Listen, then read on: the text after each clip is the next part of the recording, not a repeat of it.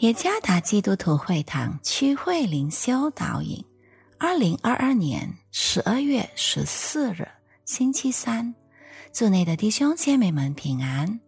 今天的灵修导引，我们将会借着圣经诗篇九十一篇第十四节来思想今天的主题：在神手中的安稳。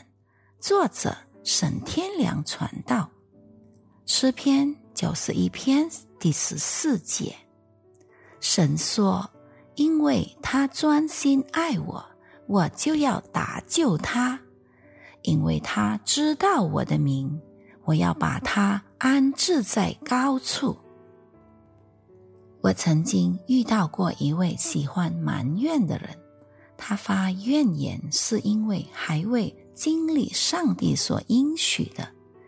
其实，上帝的应许是为谁立下的呢？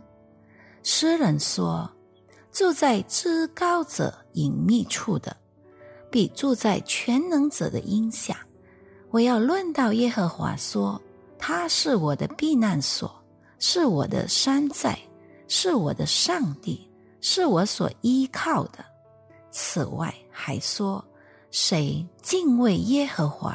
耶和华必指示他当选择的道路。为什么我们必须住在基督里，持守他的真理？因为唯有如此行，我们才能刚强得力去面对生活的挑战。但问题是有不少基督徒试图活在神的真理之外，认为。当遇到麻烦时，才回到神面前求神的帮助，为他开路。然而，往往问题在我们还没有机会回到神面前，住在他里面时，却发生了。我们接着就追问：为什么问题会发生？为什么上帝允许问题发生？上帝不是应许？会用他的膀臂与信实，犹如盾牌维护我们吗？让我们醒察自己是否已经住在神里面，神的话也在我们里面，确保这一点对我们极其重要。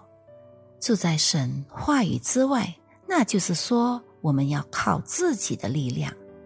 这意味着我们对上帝说。我有主权处理自己的生活。住在神之外的人，容易受到敌人的攻击；凡活在神里面的人，必蒙他眷佑。信靠神的看顾与保守，乃是信徒对神完全顺服的印证。愿上帝赐福于大家。